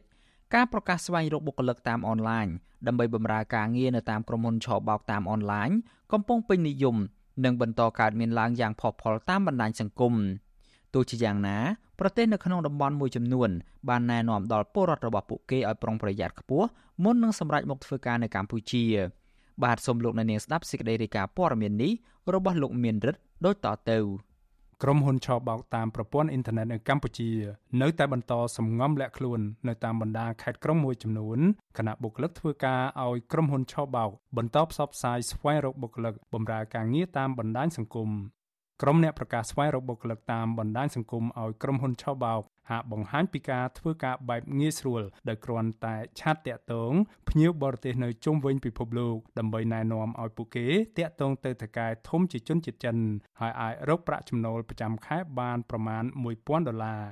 ពលរដ្ឋខ្មែរមួយចំនួនដែលបានធ្វើការឲ្យក្រុមហ៊ុនអនឡាញ ភាគច្រើនបានដឹងអំពីការប្រឈមមុខនឹងការចុះបង្ក្រាបរបស់អាជ្ញាធរមានសមត្ថកិច្ចក៏ប៉ុន្តែពួកគេមួយចំនួននៅតែបន្តធ្វើការងារនៅលើវិស័យនេះត្បិតការងារប្រភេទឈរបោកតាមអនឡាញនេះអាចងាយស្រួលនិងអាចរកប្រាក់ចំណូលបានច្រើនជាងការងារនៅក្នុងស្រុកមួយចំនួន អ្នកកំពុងធ្វើការងារឲ្យក្រុមហ៊ុនអនឡាញនៅខេត្តព្រះសីហនុដែលអ្នកនិពន្ធដាក់ឈ្មោះថាធុនចិន្តាដោយសារតែព្រួយបារម្ភពីបញ្ហាសុវត្ថិភាពបានទម្លាយប្រាប់វិសុវអស៊ីសេរីថាប្រភេទការងារអនឡាញនៅទីក្រុងព្រះសីហនុភាគច្រើនមានថៅកែគ្រប់គ្រងជាជនជាតិចិនហើយគ្មានឈ្មោះក្រុមហ៊ុនជាក់លាក់នោះទេនឹងតែងតែប្រកាសផ្លាស់ប្ដូរទីតាំងពីមួយកន្លែងទៅមួយកន្លែងចំណែកបុគ្គលិកវិញធ្វើការតាមអាគារដែលថៅកែចិនបានជួល បុគ្គលិកឈ្មោះធុនចិន្តារៀបរាប់ឲ្យដឹងបន្ថែមទៀតថាការងារតាមអនឡាញឬការឆាតតាក់ទងទៅកាន់ភ្ញៀវបរទេសគឺតាក់ទងអតិថិជនជុំវិញពិភពលោកហើយចំពោះការនិយាយទៅកាន់ភ្ញៀវបរទេសវិញថាការឬអ្នកគ្រប់គ្រងគឺជាអ្នករៀបចំអត្ថបទនៅក្នុងការសន្ទនាឲ្យរួចជាស្រេចបុគ្គលិករូនោះបញ្យល់ថាការឆបោកតាមអនឡាញបែងចែកជាពីរដំណាក់កាលធំធំ ដំណាក់កាលទី1សម្រាប់ពលរដ្ឋខ្មែរភៀសច្រើនថាការតម្រូវឲ្យស្វែងរកភ្ញៀវបរទេសនៅតាមបណ្ដាប្រទេសមួយចំនួន តាមចំនួន20នាក់ឬច្រើនជាងនេះដើម្បីលបួងភ្ញៀវបរទេសតាក់ទងបន្តទៅថៅកែធំដែលជាអ្នកគ្រប់គ្រងចំណែកដំណាក់កាលទី2វិញ អ្នកគ្រប់គ្រង មានតួនាទីលបួងភ្ញៀវបរទេសឲ្យដាក់លុយជាមួយក្រុមហ៊ុនបុគ្គលិករូបនោះបញ្ជាក់ថាអ្នកគ្រប់គ្រងធ្វើការនៅទីតាំងផ្សេងទៀតដែលភាគច្រើនធ្វើការនៅតាមអាគារកាស៊ីណូធំធំ បានរងនឹងការរដ្ឋបិទសេរីភាពផ្ទាល់ខ្លួនបើអ្នកឃៀននៅកាស៊ីណូបើកន្លែងនោះគេមិនហៅកាស៊ីណូគេហៅថាអាគាអញ្ចឹងអាគាគេធ្វើការអញ្ចឹងដល់អាគាគេជួលលុយនៅក្តីអញ្ចឹងណាអ្នកឃៀនអានោះបានគេហៅកាស៊ីណូបើភ្ញៀវមិនបោកវាខុសច្បាប់ដល់គ្នាអានេះខ្ញុំនៅជ័យជ័យប្រាក់ច្រើនពលីវាអត់សូវដែរញ៉ៃញ៉ៃទេសូវអ៊ូអរដូចជានៅតោពីអញ្ចឹងវាអ៊ូអរកាស៊ីណូច្រើន ការលើកឡើងរបស់បុគ្គលិកធុនចិន្តាហាក់ស៊ីសង្វាក់គ្នាទៅនឹងអតីតបុគ្គលិកដែលធ្លាប់បម្រើការងារអនឡាញនៅភ្នំបូកុម្នាក់ដែលបានប្រាប់វិសុយអស៊ីស្រីថាអ្នកគ្រប់គ្រងនោះមានទួនាទីលបួងឲ្យភ្ញៀវបរទេសដែលបុគ្គលិករកបានដើម្បីនិយាយឲ្យភ្ញៀវផ្ញើគណនីធនាគារនៅក្នុងការបញ្ជាទិញទំនិញខ្យល់និងបញ្ចុះបញ្ចូលដាក់លុយសម្រាប់ការវិនិយោគបែបคล้ายៗឆាតតាក់តងដើម្បីឲ្យភ្ញៀវនិយាយពីរឿងបុ ដាក់លុយឬក៏ទិញអីវ៉ាន់បោកប្រាស់របៀបបោកបញ្ឆោតប៉ុន្តែអាហ្នឹងគាត់មានជាខ្សែរបស់គាត់ដូចជា team work របស់គាត់អីចឹងណាពីរបៀបធ្វើការបោកប្រាស់ដើម្បីឲ្យគាត់របៀបជំនាញការធ្វើជាទិញអីវ៉ាន់អីចឹងណាអីវ៉ាន់ខ្យល់អីចឹងណាអាគីក្រុមហ៊ុនឆបោកតាមអនឡាញភាគច្រើនមានសមត្ថកិច្ចយាមកាមតឹងរឹងខណៈទីតាំងនៃអាគារខ្លះថែមទាំងមានសមត្ថកិច្ចយាមកាមតាមខ្លងទ្វារចេញចូលនៃអាគារទៀតផង ក្រុមហ៊ុនឆបោកតាមអនឡាញតែងចល័តទីតាំងដូចជានៅខេត្តព្រះសីហនុខេត្តកណ្ដាលក្រុងបាវិតខេត្តស្វាយរៀងទីក្រុងប៉ោយប៉ែតនិងនៅរាជធានីភ្នំពេញជាដើមនេះបើយោងតាមអតីតបុគ្គលិកម្នាក់ដែលធ្លាប់បម្រើការនៅក្នុងមជ្ឈមណ្ឌលទីក្រុងហេងហេងនៅក្រុងបាវិនដែលបានរាយការណ៍ប្រាប់វិសុអាស៊ីសេរី ប្រភេទក្រុមហ៊ុនឆបោកតាមអនឡាញនៅកម្ពុជា កាលពីអំឡុងខែសីហាឆ្នាំ2022កន្លងមកហាក់ស្ងប់ស្ងាត់ម្ដងហើយបន្ទាប់ពីអតីតរដ្ឋមន្ត្រីមហាផ្ទៃលោកសខេងបានដាក់បទបញ្ជាតឹងរឹងផ្នែកសន្តិសុខនៅក្នុងយុទ្ធនាការប្រឆាំងនឹងអំពើជួញដូរមនុស្សនិងការឆបោកតាមអនឡាញក៏ប៉ុន្តែនារយៈពេលចុងក្រោយនេះក្រុមហ៊ុនមួយចំនួន នៅតែបន្តដំណើរការនិងប្រកាសស្វែងរកបុគ្គលិកជាបន្តបន្ទាប់ វិសុវស៊ីស្រីបានតាក់ទងអ្នកប្រកាសស្វែងរកបុគ្គលិកបម្រើការងារតាមអនឡាញមួយចំនួនដែលភាគច្រើនពួកគេនិយាយថាជាប្រភេទការងារតាក់ទងនិងឆ្លើយតបឬឆាតជាមួយភ្ញៀវ បុគ្គលិកកំពុងបម្រើការងារអនឡាញនៅខេត្តព្រះសីហនុឈ្មោះធុនចិន្តាឲ្យវិសុវអាស៊ីសេរីដឹងទៀតថាថៅកែជនជាតិចិនកម្រមិនបើកប្រាក់ខែឲ្យបុគ្គលិកខ្មែរហើយក្រុមថៅកែពុំហ៊ានយកបុគ្គលិកខ្មែរបង្ខាំងធ្វើទរណកម្មនោះទេត្បិតក្រុមថៅកែទាំងនោះភ័យព្រួយខ្លាចបុគ្គលិកខ្មែរផ្សេងទៀតរាយការណ៍ប្រាប់សមត្ថកិច្ច បុគ្គលិករងនោះបញ្ជាក់ថាបុគ្គលិកជាជនជាតិចិនឬបុគ្គលិកបរទេសផ្សេងទៀតត្រូវបានថៅកែចាប់ឃុំឃាំងធ្វើទរណកម្មដោយសារតែពួកគេភ័យច្រានជំពាក់បំណុលថៅកែយកលុយទៅលេងល្បែងហើយត្រូវបានថៅកែបង្ខំឲ្យរកលុយតាមរយៈការស្វែងរកភ្ញៀវតាមអនឡាញឲ្យក្រុមហ៊ុនបុគ្គលិកធនចិន្តាឲ្យដឹងទៀតថានៅពេលបុគ្គលិកបរទេសមិនអាចរកលុយសងថៅកែពួកគេមួយចំនួនបានសម្រេចចិត្តធ្វើអត្តឃាតក្នុងរូបភាពផ្សេងៗ បុគ្គលិកធនចិន្តាអះអាងថាជនបរទេសដែលសម្រេចចិត្តបញ្ចប់ជីវិតដោយខ្លួនឯងតាមរយៈការលួចសម្លាប់ខ្លួនពីលើអគារ ក្នុងករណីខ្លះអាចមិនមែនជារឿងចៃដន្យនោះទេព្រោះពួកគេមិនអាចទ្រាំទ្រទៅនឹងការឈឺចាប់ដោយសារតែទទួលរងនឹងការធ្វើទរណកម្មបើដឹងឯងចង់លួចចេញដឹងតែងាប់ប៉ុនវាតែវាចាប់បានម្ដងថាចិននឹងចង់លួចចេញអញ្ចឹងវាទុកយូរឃុំឃាំងយកមកខ្សែគ្នាវាអ្នកស្គាល់ហ្នឹងក៏វាធ្វើដែរហើយទុកឃុំឃាំងគ្នាវាចិនពីរនាក់ទុកបានងឹតឆ្លងឆែកទៅគាត់លើបន្ទុកគេដឹងធ្វើពីស្អីឆែកនេះឆែកអាចចិនគ្នាវាប្រាក់តាលីអូបន្ទុកងឹតឆ្លងឃុំទុកហ្នឹងយកបាយយកអីអីហូបហូបប៉ុន្តែយើងអត់ហ៊ាននិយាយទេតែចង់លួចហត់ចេញដាក់ឃុំឃាំងតែចិនខ្លះវាឈឺចិត្តពេកខ្លះវាលោតពីលើអាគារមកងាប់ក៏មានហ្នឹងហ្នឹងវាលក្ខណៈថាជីវិតវាអត់មានន័យខ្ចីគេក៏ឆើនៅក៏អត់ស្រួលទៀតវាមានតែបញ្ចប់ជីវិតវាតកតងនឹងរឿងនេះដែរស្ថានទូតថៃប្រចាំកម្ពុជា កាលពីចុងខែធ្នូឆ្នាំ2023ប្រកាសថាមានជនជាតិថៃជាច្រើនអ្នកបានចាញ់បោកការបញ្ឆោតលួងលោមនៃបណ្ដាញទំនាក់ទំនងក្រុមហ៊ុនឬ call center ដែលបានបញ្ចុះបញ្ចូលជនជាតិថៃថា មានការងារអាចរកបានចំណូលខ្ពស់នៅកម្ពុជា ក៏ប៉ុន្តែនៅពេលពួកគេមកធ្វើការងារជាក់ស្ដែងមិនដូចទៅនឹងអ្វីដែលក្រុមហ៊ុនប្រកាសនោះទេស្ថានទូតថៃបានប្រមានដល់ពលរដ្ឋរបស់ខ្លួនត្រូវគិតគូរសិក្សាឲ្យបានច្បាស់លាស់មុននឹងសម្រេចចិត្តមកធ្វើការនៅកម្ពុជាកម្ពុជាស្ថិតនៅក្នុងបញ្ជីនៃការតាមដានរបស់សហរដ្ឋអាមេរិករយៈពេល2ឆ្នាំចុងក្រោយនេះក្នុងចំណោមប្រទេសដែលមានស្ថានភាពអាក្រក់នៃអំពើជួញដូរមនុស្ស ទន្ទឹមគ្នានេះអង្គការសហជីវជាតិរកឃើញថាមនុស្សប្រមាណ1សែននាក់កំពុងរងគ្រោះនៃការបង្ខំឲ្យបម្រើការងារឆបោកតាមអនឡាញនៅកម្ពុជារបាយការណ៍របស់អង្គការសហប្រជាជាតិបង្ហាញថានៅទូទាំងសកលលោកអំពើឆបោកតាមអនឡាញអាចរកចំណូលបានប្រមាណ7800លានដុល្លារអាមេរិកខណៈក្នុងតំបន់អាស៊ីអាគ្នេយ៍អំពើឆបោកតាមអនឡាញអាចរកចំណូលបានរាប់ពាន់លានដុល្លារ ពាក់ព័ន្ធនឹងបញ្ហានេះ Visual Asia ស្រីមិនអាចតាក់ទងអនុប្រធានអចិន្ត្រៃយ៍នៃគណៈកម្មាធិការជាតិប្រយុទ្ធប្រឆាំងនឹងអំពើជួញដូរមនុស្សអ្នកស្រីជូប៊ុនអេងនិងស្នងការនគរបាលខេត្តព្រះសីហនុលោកសរដ្ឋាដើម្បីសាកសួរជុំវិញរឿងនេះបាននៅឡើយទេនៅថ្ងៃទី15ខែមករា ប្រធានផ្នែកប្រយុទ្ធប្រឆាំងការជួញដូរមនុស្សនិងទេសន្តប្រវេសនៃអង្គការសង្ត្រាល់លោកឌីថេហូយ៉ាមើលឃើញថាសមាជិកកម្ពុជាហាក់មិនបានខ្នះខ្នែងក្នុងការប្រតិបត្តិការស្វែងរកជនរងគ្រោះនិងបង្កើនកិច្ចសហប្រតិបត្តិការល្អជាមួយអង្គការសង្គមស៊ីវិលនិងអង្គការសហជីវជាតិដែលបានរកឃើញថាមនុស្សប្រមាណ1សែននាក់កំពុងរងគ្រោះពីការបង្ខំឲ្យធ្វើការងារឆបោកតាមអនឡាញនៅកម្ពុជានោះទេ លោកពន្យល់ថាអំពើឆបោកតាមអនឡាញគឺជាធាតុផ្សំមួយនៃទម្រង់នៃអំពើជួញដូរមនុស្សដែរ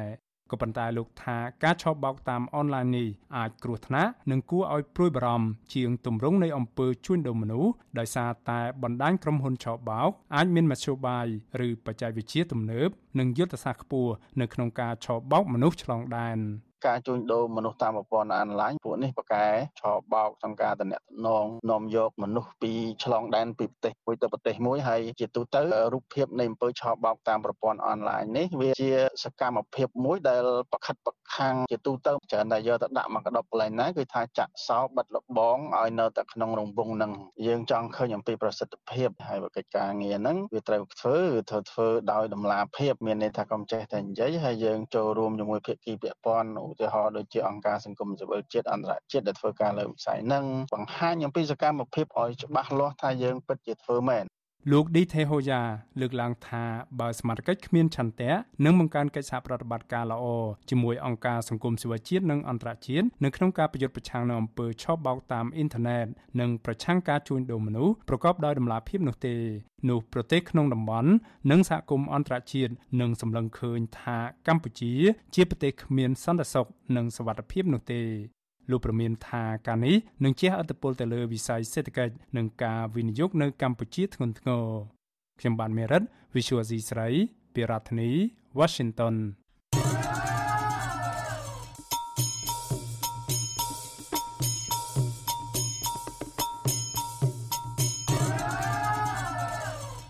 បាទលោកអ្នកនាងជាទីមេត្រីតកតងទៅនឹងស្ថានភាពជីវភាពរបស់ប្រជាពលរដ្ឋដែលជាកម្មករកាត់ដេរឯនេះវិញ រដ្ឋាភិបាលបានសម្រេចជាផ្លូវការការដំឡើងប្រាក់ឈ្នួលអបបរមាជូនកម្មករនៅតាមរោងចក្រនានាទូទាំងប្រទេសចំនួន204ដុល្លារចាប់ពីខែមករាឆ្នាំ2024នេះតទៅ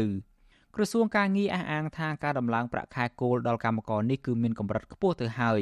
បើប្រៀបធៀបទៅនឹងប្រាក់ខែដែលកម្មករនៅតាមប្រទេសមួយចំនួនដូចជាមីយ៉ាន់ម៉ាឬភូមា បង់ក្លាដេសប្រទេសឡាវនិងតំបន់ខ្លះទៀតនៃប្រទេសវៀតណាម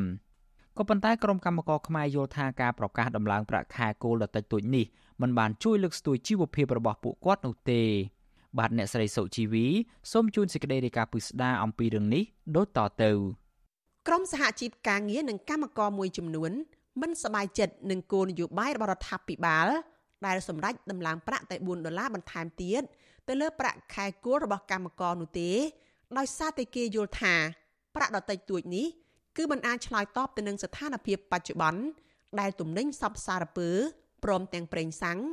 កំពុងតែឡើងថ្លៃខ្ពស់នោះឡើយកម្មករនៅរោងចក្រកាត់ដេរសម្លៀកបំពាក់ WND Cambodia នៅក្នុងសង្កាត់ស្ទឹងមានជ័យរាជធានីភ្នំពេញលោកសឿងប្រុសមានប្រសាសន៍ថារដ្ឋាភិបាលដែលសម្រេចដំឡើងប្រាក់តែ4ដុល្លារបន្ថែមទៅលើប្រាក់ខែគោលចំនួន200ដុល្លារនោះគឺมันអាចជួយឲ្យកម្មករដោយរូបលោកមានជីវភាពធូរធារទេ បុរសដដែលបន្តទៀតថាលោកមន្ត្រីអឡើយខណៈដែលរដ្ឋាភិបាលដំឡើងប្រាក់4ដុល្លារទៅលើប្រាក់ខែគោលហើយរោងចក្រមួយចំនួនមិនដំណើរការខណៈរោងចក្រខ្លះទៀតឲ្យកម្មករធ្វើការមិនគ្រប់ម៉ោងពិបាករកការងារធ្វើព្រមទាំងថ្លៃឈ្នួលផ្ទះស្នាក់នៅបានឡើងថ្លៃ5ដុល្លារបន្ថែមទៀតនិងទំនិញស្ទើរគ្រប់មុខនៅលើទីផ្សារព្រមទាំងអង្គរផងក៏ឡើងថ្លៃខ្ពស់ដែរនោះ។ រោងចក្រចំនួនជួការងាររោងចក្រចំនួនបានបិទទ្វារហើយរោងចក្រដែលកំពុងដំណើរការចេញម៉ោង4អញ្ចឹងបានទៅប្រាក់ខែគោលហើយក៏គាត់នៅផ្លាយផ្ទះជួលផ្លាយទឹកផ្លាយភ្លើងការហូបចុកប្រចាំថ្ងៃការមកគាត់មានការបោអសតែគាត់ទៅបោអសបោអសអត់ដាក់ស្រោមអត់មើលថែអីដែរតែមិនវល់ទៅពេទ្យឯកជនអស់លុយក៏ដែរហើយចឹងអ្នកខ្លះទៀតគាត់មានបន្ទុកមានម្ដាយចាស់ឪពុកចាស់ឬមួយកូនតូចតូចខិតក្រងតែគ្រប់គ្រងរបស់គាត់ទៀតគឺអាចគ្រប់គ្រងទេតែប្រធានសហជីពសេរីកម្មករនៃប្រជាណាចក្រកម្ពុជា អ្នកស្រីទូចសើក៏យល់ឃើញប្រហាក់ប្រហែលគ្នានេះដែរថាការបន្ថែមប្រាក់ចំនួន4ដុល្លារទៅលើប្រាក់ខែគោលសរុបបាន204ដុល្លារនេះមិនបានជួយឲ្យកម្មករមានជីវភាពធូរធារទេគឺស្ថានភាពរបស់កម្មករភៀកច្រើននៅតែរស់ទាំងត្រដរអ្នកស្រីទូចសើមានប្រសាសន៍ទៀតថាថ្មីបារដ្ឋាភិបាលសម្រេចដំឡើងប្រាក់ឈ្នួលអបបរមាសម្រាប់កម្មករនៅទូទាំងប្រទេសក្តី ក៏ប៉ុន្តែរោងចក្រមួយចំនួននៅមិនទាន់អនុវត្តតាមគោលការណ៍បើកប្រាក់ខែឲ្យកម្មករទេគឺនៅតែទូទាត់ប្រាក់ទៅឲ្យកម្មករតាមចំនួនបងហើយប្រាក់ទូទាត់របៀបនេះមានកម្រិតទៅជាងប្រាក់ខែដែលរដ្ឋបានកំណត់ទៅទៀត។ គាត់គិតថាកម្លាំងកម្មករប៉ុណ្ណឹងធនធានស្មើនឹងលុយប្រាក់ខែ200ដុល្លារតែបើតាមខ្ញុំមើលទៅខ្ញុំគិតឃើញថារោងចក្រនៅស្រុកខ្មែរគឺចិនគាត់កេងប្រវ័ញ្ចហើយគាត់គៀតសង្កត់ហើយទីមួយទៀតបើសិនជាទេទៅស៊ីប្រាក់ខែគឺអត់អីតែបើដេស៊ីបងគឺកម្រិតបងគឺដាក់ទៀតជាងនឹងប្រាក់ខែតែរោងចក្រខ្លះបើសិនជាដេស៊ីប្រាក់ខែគឺគាត់អាចនឹងបានកម្រៃខ្ពស់ជាងដេស៊ីបងបើអ្នកដេស៊ីបងឧទាហរណ៍បានលុយ170គឺបាន170ទេគឺអត់មានទូទាត់ឲ្យឲ្យស្មើនឹងប្រាក់ខែគោលរបស់កម្មករដែលរដ្ឋបានដាក់ឲ្យរដ្ឋមន្ត្រីក្រសួងការងារនិងបណ្ដុំបណ្ដាលវិជាជីវៈលោកហេងសួរបានថ្លែងនៅក្នុងពិធីសម្ពោធដាក់ឲ្យប្រើប្រាស់ជាផ្លូវការនៅស្ពានកោះយ៉ក្នុងភូមិនាងកុកឃុំបាក់ខ្លងស្រុកមណ្ឌលសីមាខេត្តកោះកុងដែលមានកម្មករចំនួនប្រមាណ11000នាក់បានចូលរួមកាលពីថ្ងៃទី8ខែមករាថា ការបន្ថែមប្រាក់ឈ្នួល4ដុល្លារបន្ថែមទៀតនេះប្រសិនបើបូកបន្ថែមជាមួយនឹងប្រាក់អត្ថប្រយោជន៍ជាប់កាតព្វកិច្ចផ្សេងផ្សេងទៀតគឺកម្មករអាចនឹងទទួលបានប្រាក់ឈ្នួលជាមធ្យមពី220ទៅ230ដុល្លារនៅក្នុងមួយខែដោយមិនទាន់គិតបញ្ចូលប្រាក់បន្ថែមម៉ោងនិងប្រាក់បេឡាជាតិរបបសន្តិសុខសង្គមនៅឡើយលោកហេងសួរបញ្ជាក់ថាការដែលរដ្ឋាភិបាលដំឡើងប្រាក់ឈ្នួលអបបរមារបស់កម្មករចំនួន204ដុល្លារនេះ គឺមានកម្រិតខ្ពស់បើប្រៀបធៀបទៅនឹងប្រាក់ខែកម្មករនៅតាមបណ្ដាប្រទេសមួយចំនួនទៀតនោះប្រសិនជាធៀបប្រាក់ឈ្នួលអបបរមាកម្ពុជាជាមួយនឹងប្រាក់ឈ្នួលនៅបណ្ដាប្រទេសមួយចំនួនគឺប្រាក់ឈ្នួលអបបរមានៅកម្ពុជាគឺខ្ពស់ជាងបណ្ដាប្រទេសទាំងនោះដូចជាប្រទេសស្រីលង្កាមានប្រាក់ឈ្នួលអបបរមាត្រឹមតែ40ដុល្លារក្នុងមួយខែប្រទេសមីយ៉ាន់ម៉ា83ដុល្លារក្នុងមួយខែឡាវត្រឹម88ដុល្លារក្នុងមួយខែបង់ក្លាដេស ត្រឹម116ដុល្លារក្នុងមួយខែរីឯតំបន់ខ្លះនៃប្រទេសវៀតណាមក៏ទាបជាងកម្ពុជាដោយសារវៀតណាមមានប្រាក់ឈ្នួលអបបរមាស្ថិតក្នុងចន្លោះ145ដុល្លារដល់209ដុល្លារចំណែកនាយករដ្ឋមន្ត្រីលោកហ៊ុនម៉ាណែតមានប្រសាសន៍ថា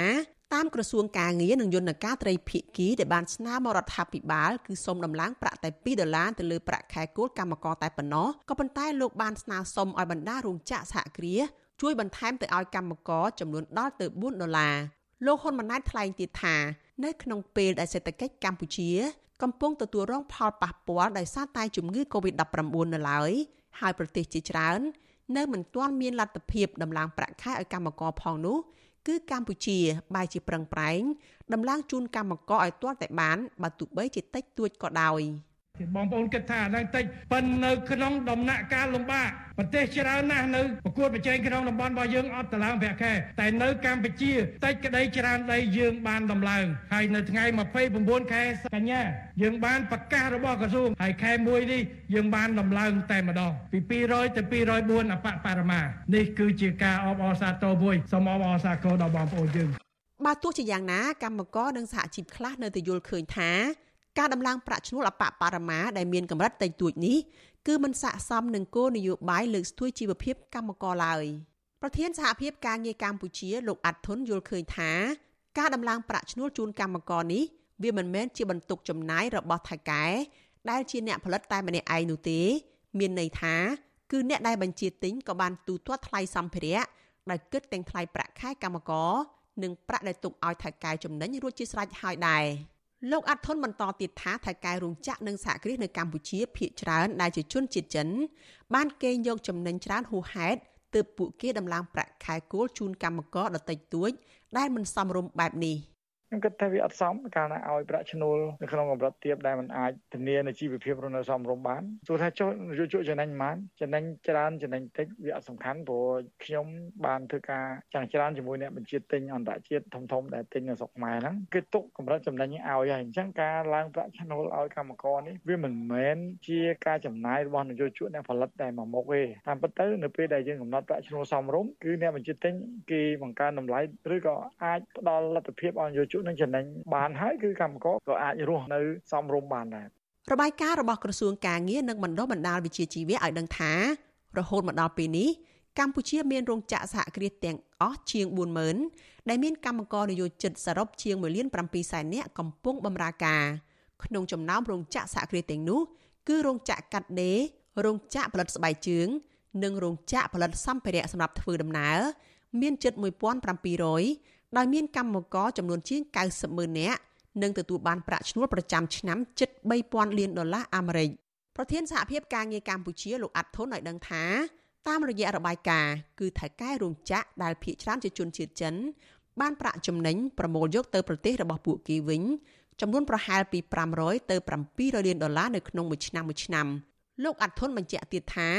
បើគិតពីប្រាក់ឈ្នួលដែលថៅកែចិនបើកឲ្យកម្មករវិញនោះ គឺប្រមាណតែ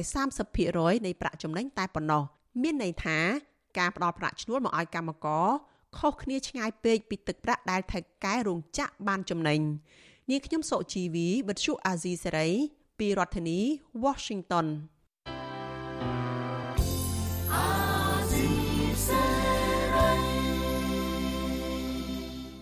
លោកអ្នកនាងជាទីមេត្រី ការផ្សាយរយៈពេល1ម៉ោងរបស់វិទ្យុអាស៊ីសេរីនៅព្រឹកនេះចប់ត្រឹមតែប៉ុណ្ណេះ